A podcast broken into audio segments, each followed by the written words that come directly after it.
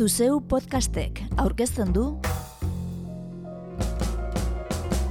Urpeko bombarda anartz bilbaorekin.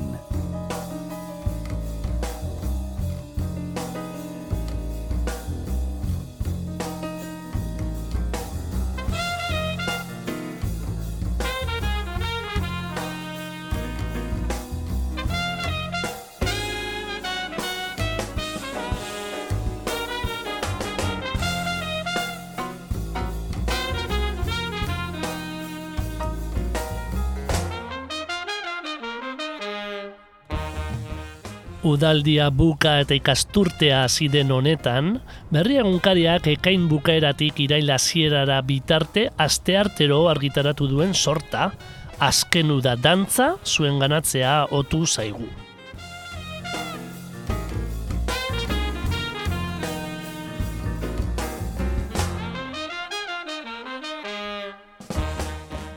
Beraz gaur, urpeko bombardan, Euskal Hit Pareita dakargu. Estitxu, Pantxoa eta Peio, Aizea, Itoiz, Ertzainak, Okei Korral, Ruper Ordorika, Latzen, Gozategi, Kensazpi eta Ezian taldeen kantu banarekin. Honegin.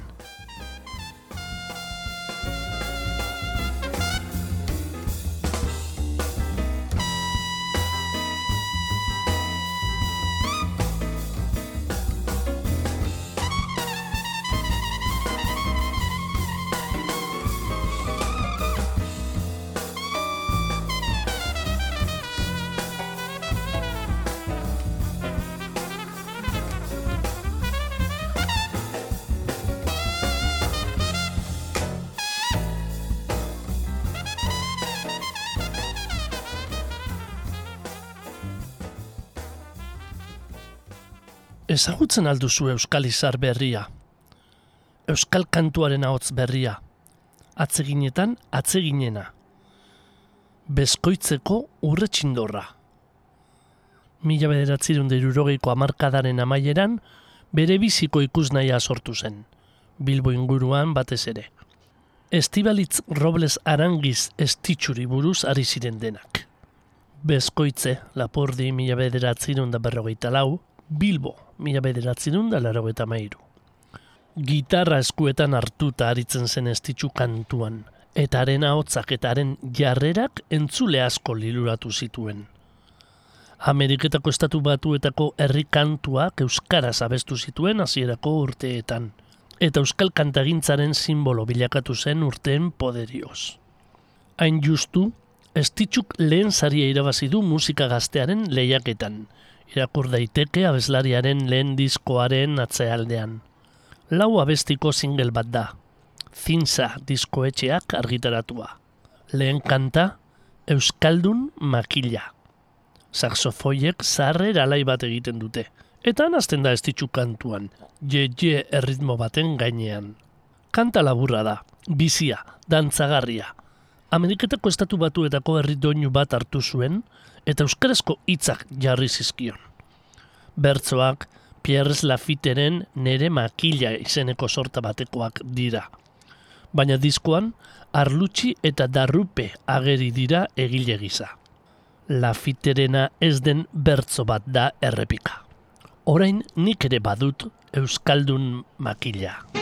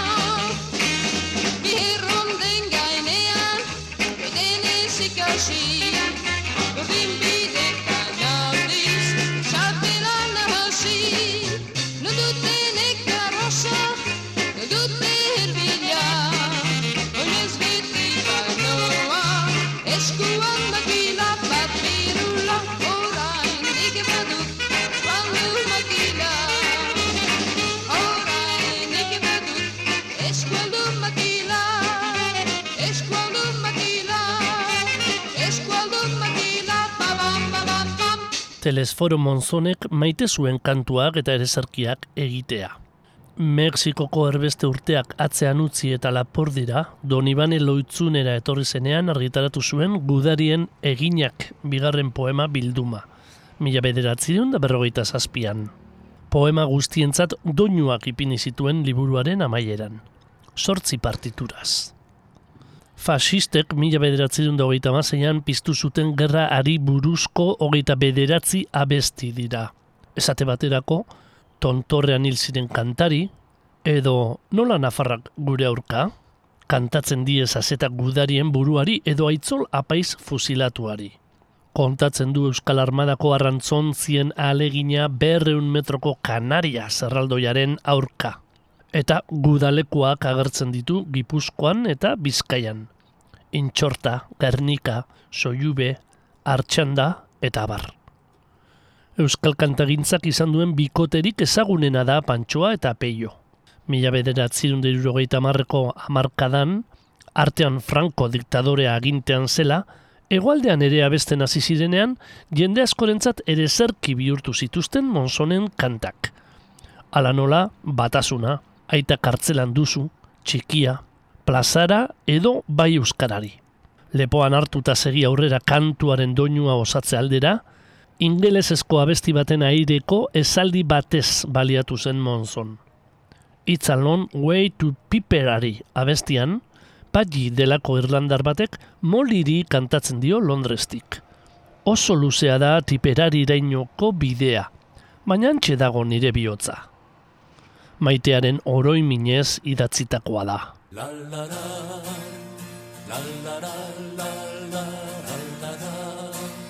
Lepoan hartuta segi aurrera. Lepoan hartuta segi aurrera. Gazte bat lurrean argitu dugu. Lore gorriz beterik olgoa Burdinen artetik igesi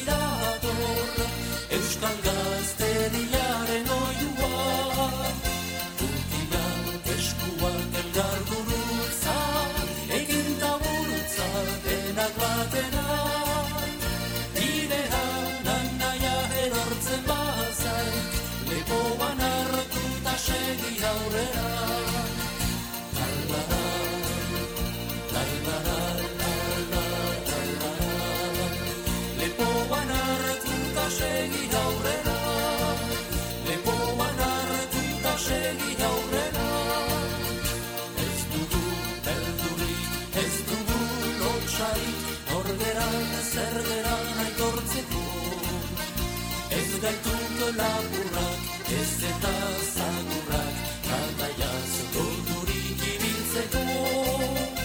Gizonak bagera, jozagun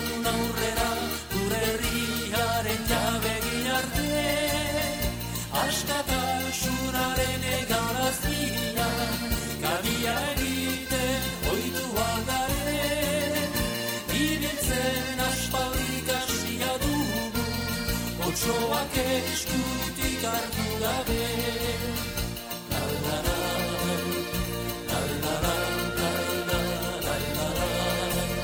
Lepoan hartuta segi aurrera Lepoan hartuta segi aurrera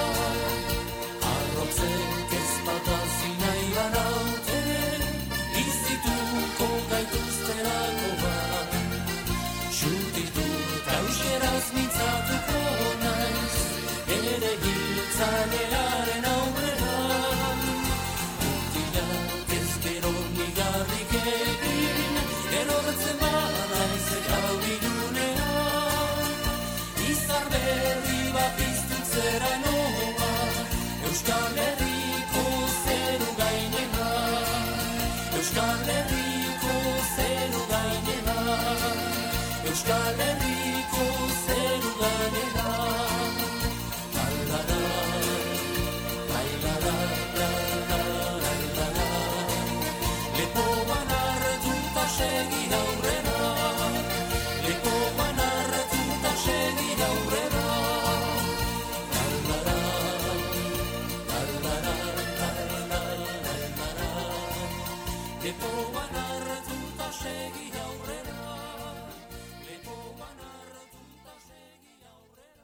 Brodatzen ari nintzen balada hain herrikoia era batez ezaguna zen txomin hartolak gure herri aldizkarian atzeman eta kantatzen hasi zen arte.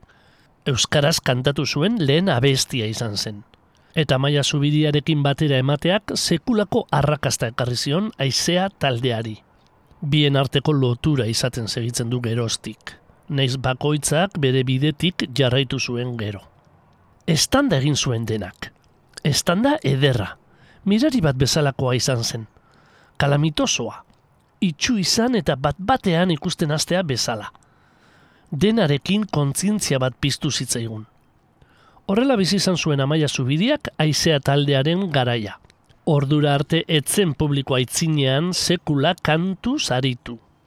Amabi urterekin hilapantzaile lanetan hasi zen. Eskondu eta ama goiz bilakatu zen.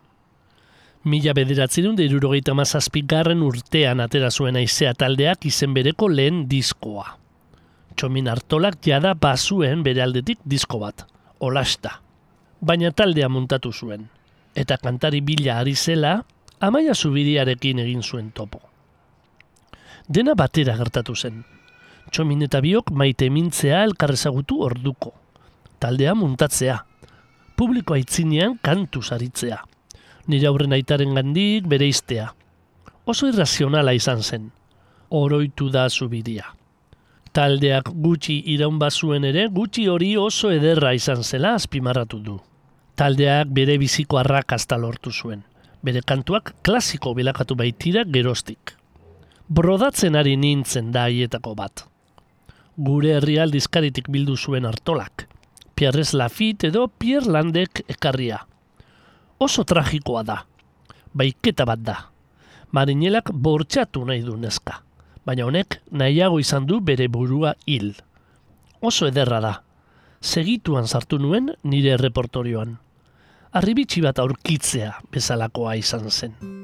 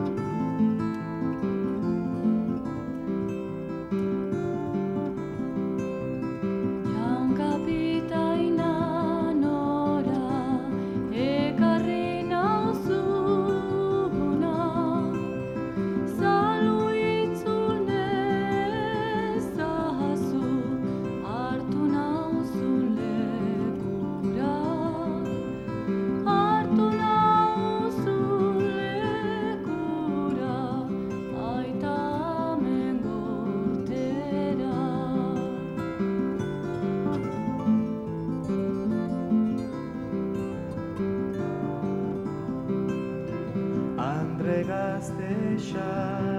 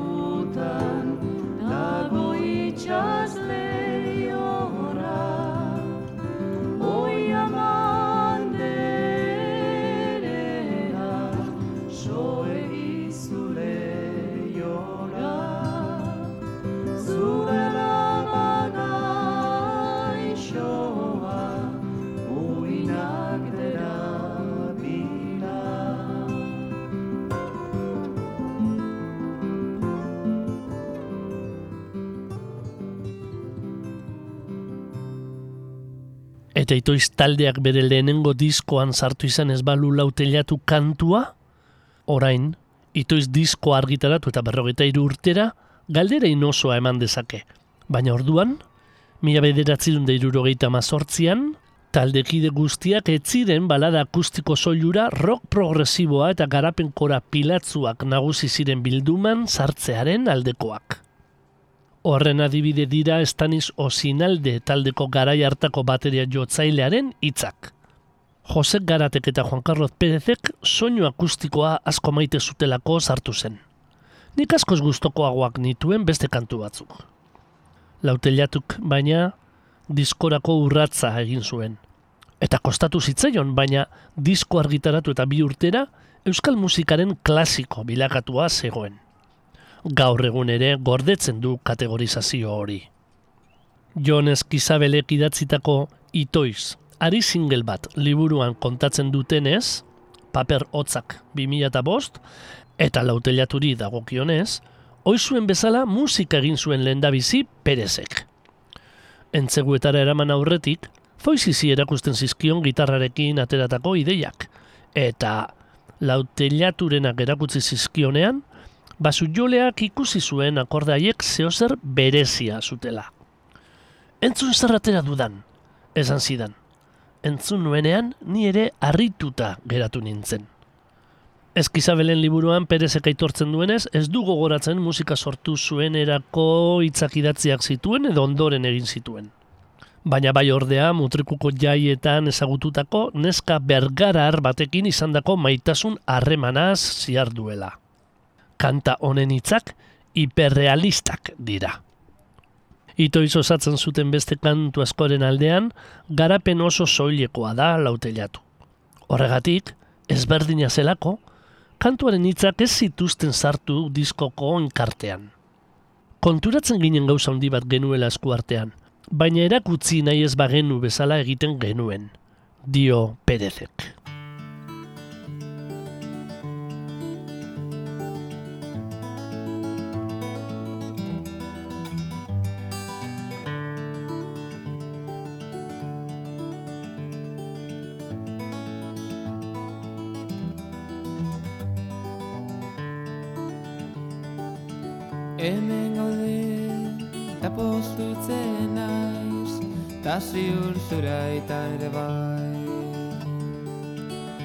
Zer ondo, zelan dihua, zure bufanda txuria.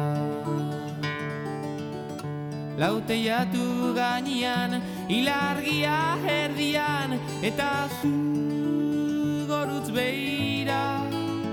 Zure keia eskuetan Futzara batekin putz Nere ana etorriko da Ta berriz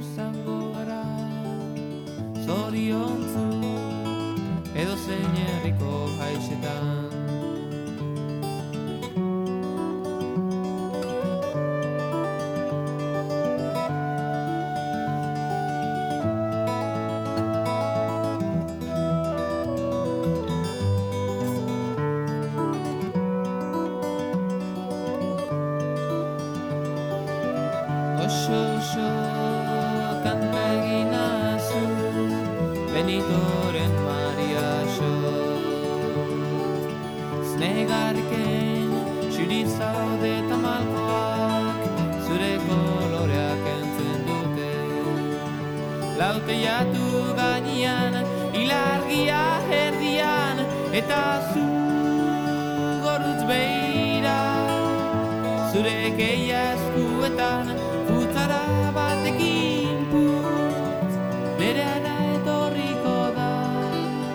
Berriz izango gara Zoriontzu Edo zein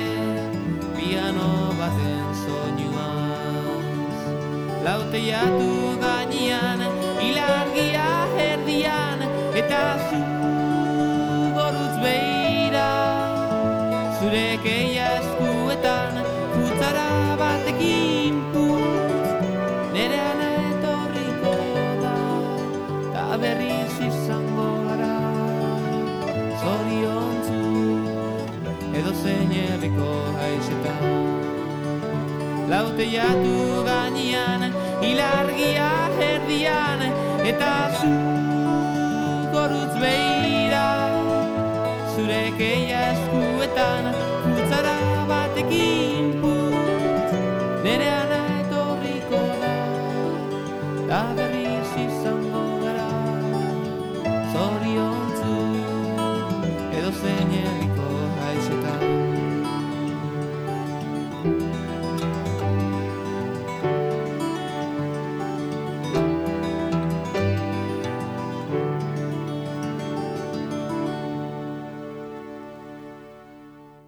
hasieratik argi zuten zein zen helburua. Lehenengo aldiz Euskal Herria hankaz gora jartzea. Roka euskaraz eginez gazteizen. Horrek harritu zuen gehien Iñaki Gari eta Onaindia Gari, ertzainak taldean abesten hasi zenean. Zein argi izan zuten, batez ere Josuk taldearen ideia, filosofia, esan nahia. Eta zer nolako indarra azaldu zuen bere proiektuaz mintzatzean. Guztiok dena utzi eta berarekin ibilbidea azteko. ETB bateko ur handitan saioan kontatu zuen hori garik, 2000 eta emeretzian. Lehenengo diskoa mila bederatzerun da laukoa da, ertzainak. Marino goinik ekoitzi zuen, eta soinua zigiluak atera. Amar kantu, belaunaldi bati baino gehiagori bere biziko zirrara eragin dizkiotenak.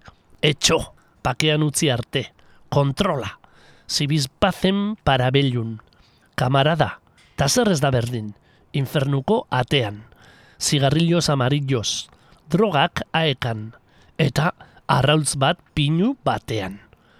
Zabalak sortu zituen doinuak, eta taldekideek eta haien lagunek idatzi zituzten hitzak. Disko horreko ospandia eman zion taldeari, baina ospearen aurreko garaiezari da, hain zuzen, kanturik emblematikoenetako bat. Ta zer ez da berdin. Oso ondo izlatu zuen gure hasierako egoera. Desertuan pasatu genituen lau urte, gaztezko tabernetan jotzen. Ia ez ginen handik ateratzen. Gainera, Euskal Munduaren boikota pairatu genuen nolabait. Diskoa kaleratu arte, gure egoera nahiko petrala zen. Rokanrolak, ez zuen dirurik ematen. Ez genuen ezer kobratzen, ez zegoen dirurik, Hala ere, taldeari esker kanutoak oparitzen zizkiduten, eta oso ondo drogatzen ginen. Garagardoetara gonbidatzen gintuzten, eta naiz eta dirurik ez izan, ondo bizi ginen giro hartan. Kantuak ondo islatzen du hori. Alde batetik, poltzikoa gutzik, baina tira, bizirik, barruko indarra ateratzen.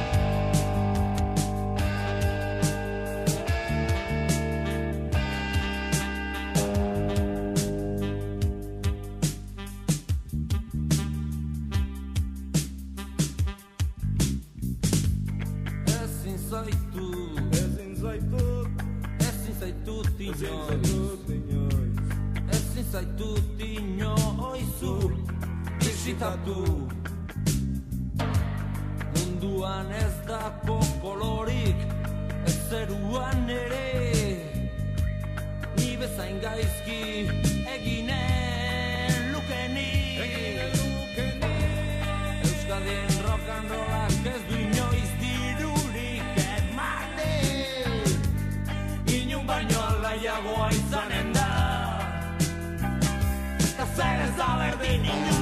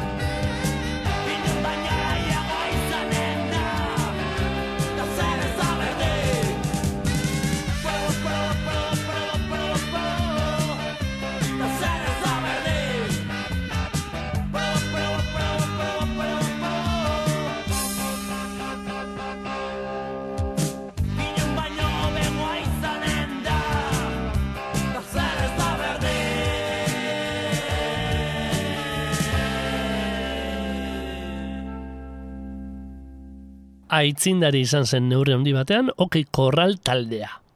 Aitzindari, mila bederatzen dalarogeiko amarkadaren erdialdean euskal musikaren esparruan inor gutxik jotzen zuelako rollaren iturrietara. Eta aitzindari, euskal rock taldeetan emakumeak oso urriak ziren garai hartan okei korralek bi zituelako. Lu Olangoa abeslaria eta Eba Iturain bateria jolea. Garai hartako euskal musikaren esparruan nagusi ziren joenen aldean, rock radikal basko delakoa eta folka, oso bestelakoa izan zen okei korralen proposamena. Rock and roll, rockabilly, country eta folk doinuak ekarri baitzizkion euskarari. Ez alferrik, euskal bili etiketa jarri zioten egiten zuten musikari. Okei korral zarautzen, gipuzkoan sortu zuten. Mila bederatzidun da larogeita bosgarren urte aldera. Olangoak, iturainek, dani ulasiak gitarran eta goikok basuan. Baina aurretik umedecidos taldean aritutakoak ziren lehenengo irurak. Hasieratik erronka izan zuten euskaraz abestea, naiz eta inguruan nahiko hila ikusten zuten hizkuntza. Guk ere ez dugu behar beste erabiltzen. Eskolan eta kalean gaztelania inposatu digutelako txikitatik. Baina okei korralekin hasi ginenean geure burua behartu genuen euskaraz abestera. Gainera, rock and rollera oso ondo egokitzen den hizkuntza da. Kantuen hitzek berriz, rock and roll zaharraren eskemei jarraitzen zieten. Hitz gutxikoak eta mezu sakonik gabekoak ziren, divertitzea baitzuten helburu nagusi. Era berean, Ameriketako estatu batuetako countryarekiko loturak agerian utzita, baserri zabardotegi eta ukuluetan zeuden girotuak zenbait kantu. Horien artean arrakastatzuenak izan zirenak. Mendik gainean eta batipat baserriko neskatilak.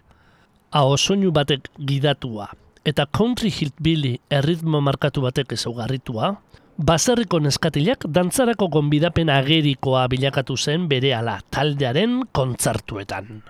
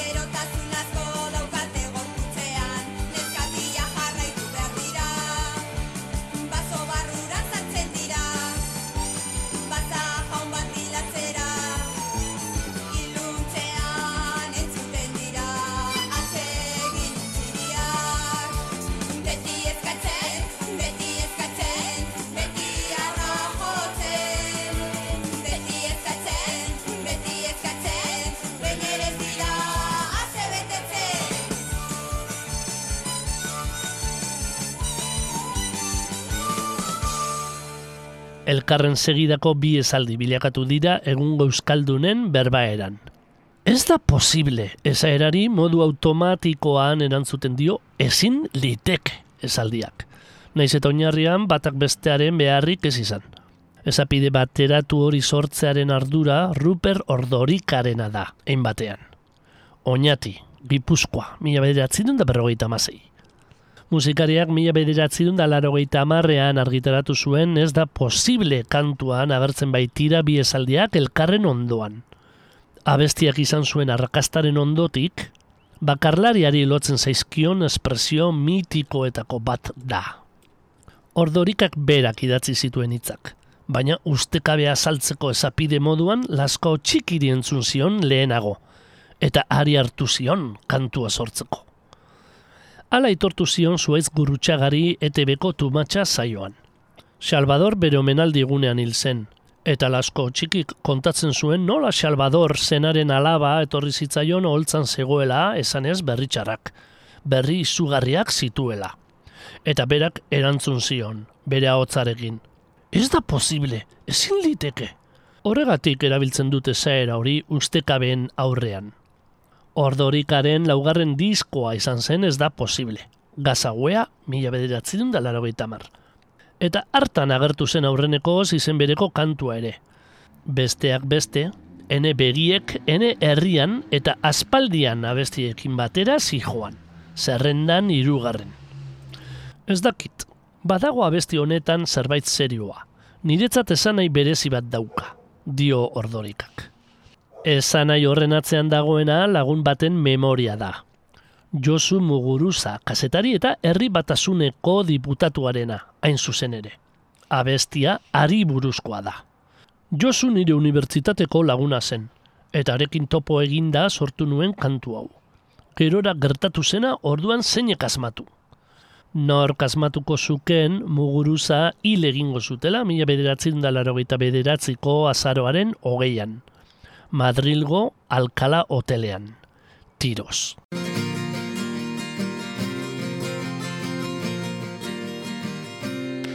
Egunako eta lagodua batxe kasi nuenik Zer sakon hau esan nahi eta budatu ez besterik lekutan egungo nintzen irratia biztuta gau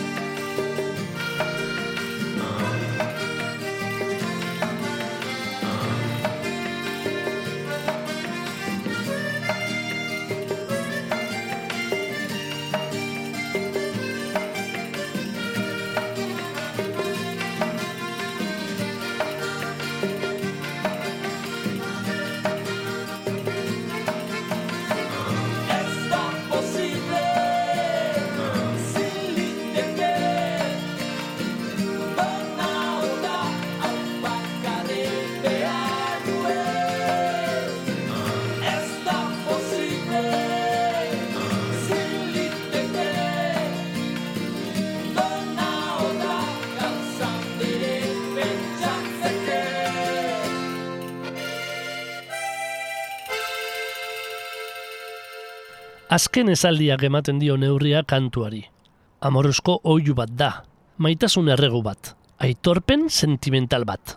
Maite zaitut, lastana. Heavy metal doinuez osatutako disko batean kaleratu zuen latzen taldeak lastana kantua. Balada romantikoak milaka belarri eta bihotz unkitu zituen mila bederatzen dut larogeita marreko amarraldiaren bigarren erdian. Eta oraindik ere taldearen ikurretako bat da.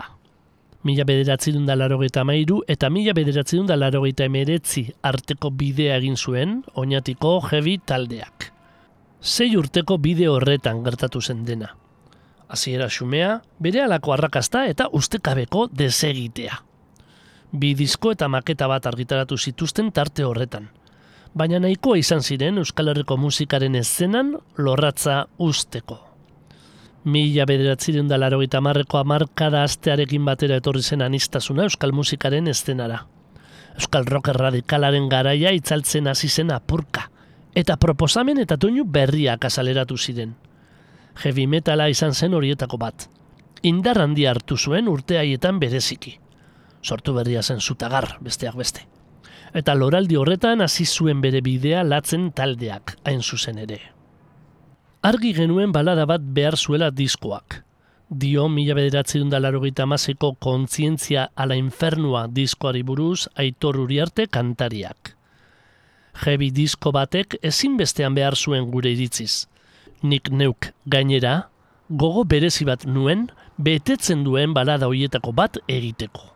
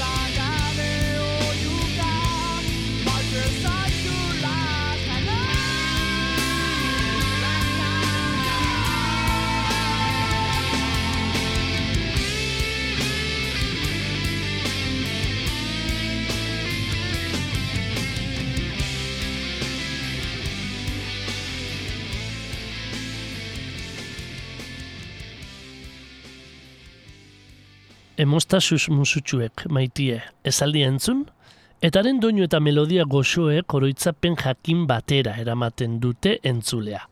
Eta nahi gabe bada ere, gorputza bestiaren erritmora mugiarazi. Gozategi taldeak Ainoa bigarren diskoarekin lortu zuen arrakastaren gorenera heltzea. Elkar, mila bederatzerun da laro Zehazki, kantu hori izan zen estanda eragin zuena. Urte hartako udako kantua izan zen. Eta trikitiaren oiko moldetatik urrunduz, dantzan jarri zituen Euskal Herriko plazak. Lehen diskoa kaleratu aurretik, nor nori nork abestiak eman zien ospea. Eusko jaurlaritzari kritika egiten zioten kantu horretan. Eta Manolo Escobarren el porron pompero abesti ezaguna hartu zuten oinarritzat. Lortutako arrakasta ikusita, elkar diskoetxeak disko bat grabatzeko aukera eskaini zien. Asier gozategiren hitzetan, trikitiaren munduko jendeak esaten zuen hori etzela trikitia, baina urterik urtera erakutsi da posible dela musika tresna hori bestelako instrumentuekin nahaztea. Ordurako trikitiak bide berriak bilatu zituen Euskal Herrian. Bum bat izan zen. Beste talde batzuen artean, gozate izan zen talde mota berri horren ordezkarietako bat, eta harinarin, fandango eta poruzaldekin pop rockerako joera erakutsi zuten. Taldea ezagun egin zen berehala, eta haien kantuak irratietan, herriko plazetan eta tabernetan entzuten hasi ziren. Nirekin abesti arrakastatzuaren hitzak Jon Maia bertzolariak idatzi zituen. Nik melodia eginda neukan, gogoratu du Asier gozategik. Hasieran, Maiak Euskara batuan idatzitako hitz batzuk ekarri zizkidan. Handik bi egunera berriz etorri eta beste batzuk eman zizkidan. Bizkaieraz, magia sortu zen. Emoiztasuz musutxue Maitie hartu isu burxu Guztixe eroa isu bixo Tristie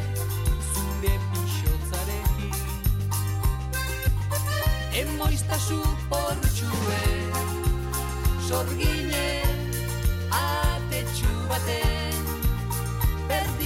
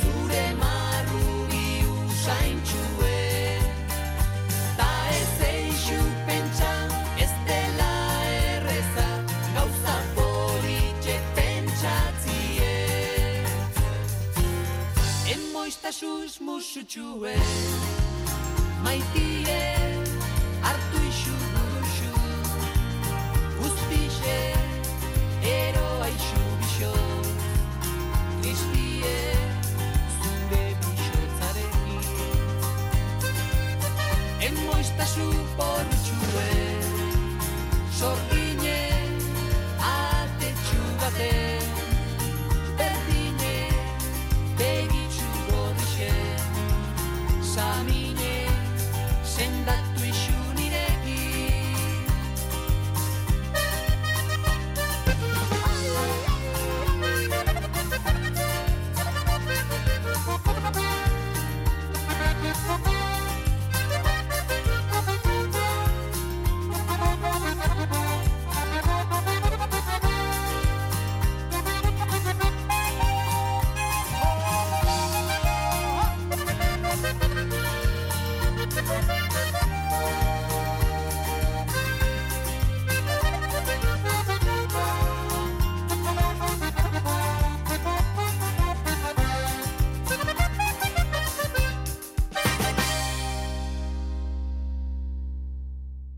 Gauarekin duen loturak eta agertzeko eta desagertzeko joerak eite misteriotzua ematen dio ilargiari.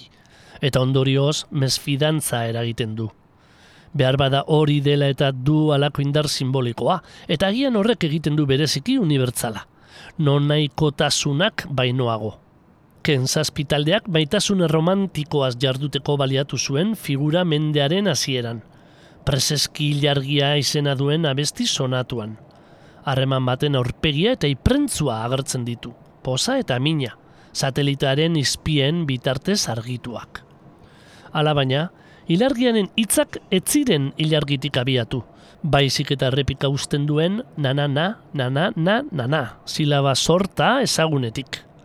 Izan ere, Einaute lorri eta taldekideak melodia sortu ondoren hitzei ekin zienean, hori bururatu zitzaion ezer baino lehen ageriko esain nahirik gabeko zatia, eta helduleku horretatik abiatuta ondu zuen abestia. Barruak eta kantuak eskatzen zuenari tiraka. Urteak igaroagatik ere, taldearen irudiari ez duen lotutako lana da oraindik ere. Ez zegoen ala aurre ikusita ordea. Areago, diskoaren tonu orokorrak beste norabide bat hartuko zuela jakinda sortu zuen elorrietak. Ken zazpiren ibilbidean mugarria izandako bidean albumaren zati da ilargia. Gor, 2000 eta iru. Baina gainontzeko piezetatik urrun dago. Ala melodiari nola hitzei dagokionez. Diskoaren arima gogorragoa zen, gitarra elektrikoak zituen. Zalantzak izan nituenean nola txertatu izango genuen kantu hori. Maitasun gorroto harremana izan dutela dio musikariak sonak kanta baztertzea eragin zuen aurrena, baina gerora adizkidetuz joan ziren konposizioarekin. Eta azkenean, errepertoriorako berreskuratu zuten. Abestiarekin bakeak egin, eta berriro jotzen hasi ginen.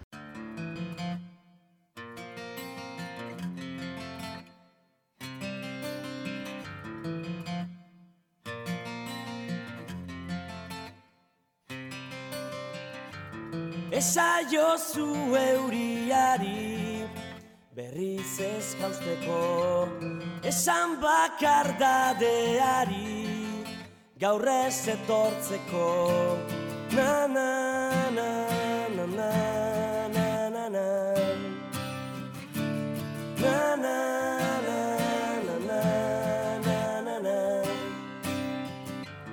Eusten nauen soka zara Teitotzen nauena Ametsak sortu zizkidana Galtzen dituena Na na na na na na na na Na na na na na na na Zuretzat ilargia Lapurtuko nuke gauero Eta zu itxu zaude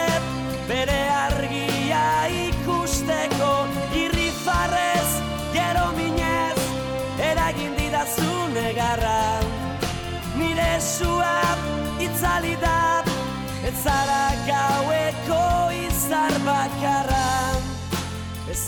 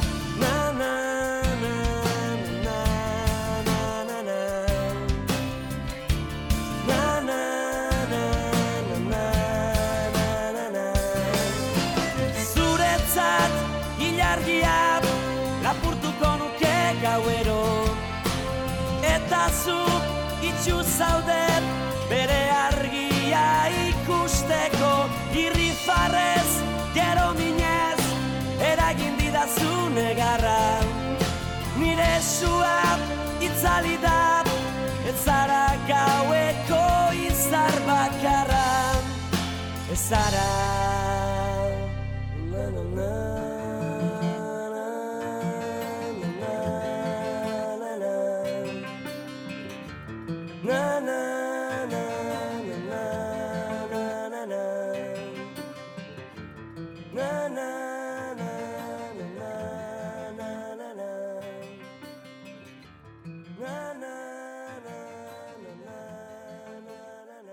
Musika itzazkorra, izki aldarrikatzaile zuzen eta simpleak, bideoklip landu eta bizia.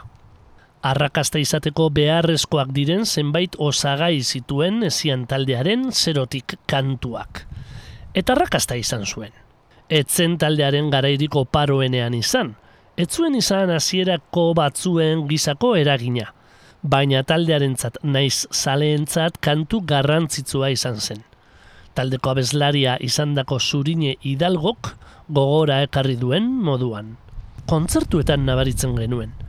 Errepiketan jendearen garrasiak neure ahotzaren gainetik entzuten ziren askotan. 2008an argitaratu zuten zerotik kantua. Taldearen amargarren urtemugarako prestatutako ezian diskorako. Bagabiga. Abestiak mezuzeatz bat helarazi nahi dio hartzaileari. Muga ororen gainetik, mundu zoro honetan azke izan dadila. Hidalgok idatzi zuen abestia. 2006ko udan sortu zuten ezian, sakanan, Nafarroan. Rock, pop eta ska estiloak jorratzen zituzten nagusiki. Eta beti emakume eta gizon ahotsak tartekatzen zituzten.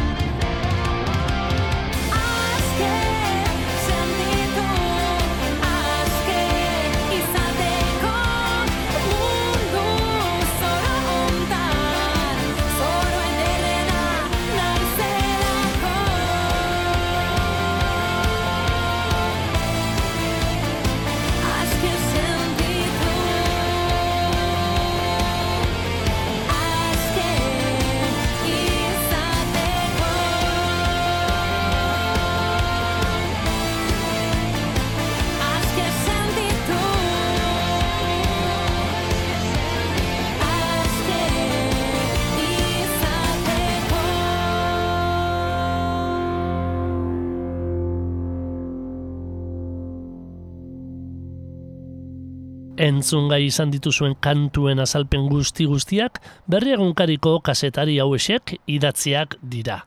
Gorka Arrezek, Ainize Madariagak, Andoni Imasek, Mikel Lizarraldek, Aitor Biainek, Olatz Enzuntza Maionak, Amaia Igartua Aristondok eta Ane Eslabak.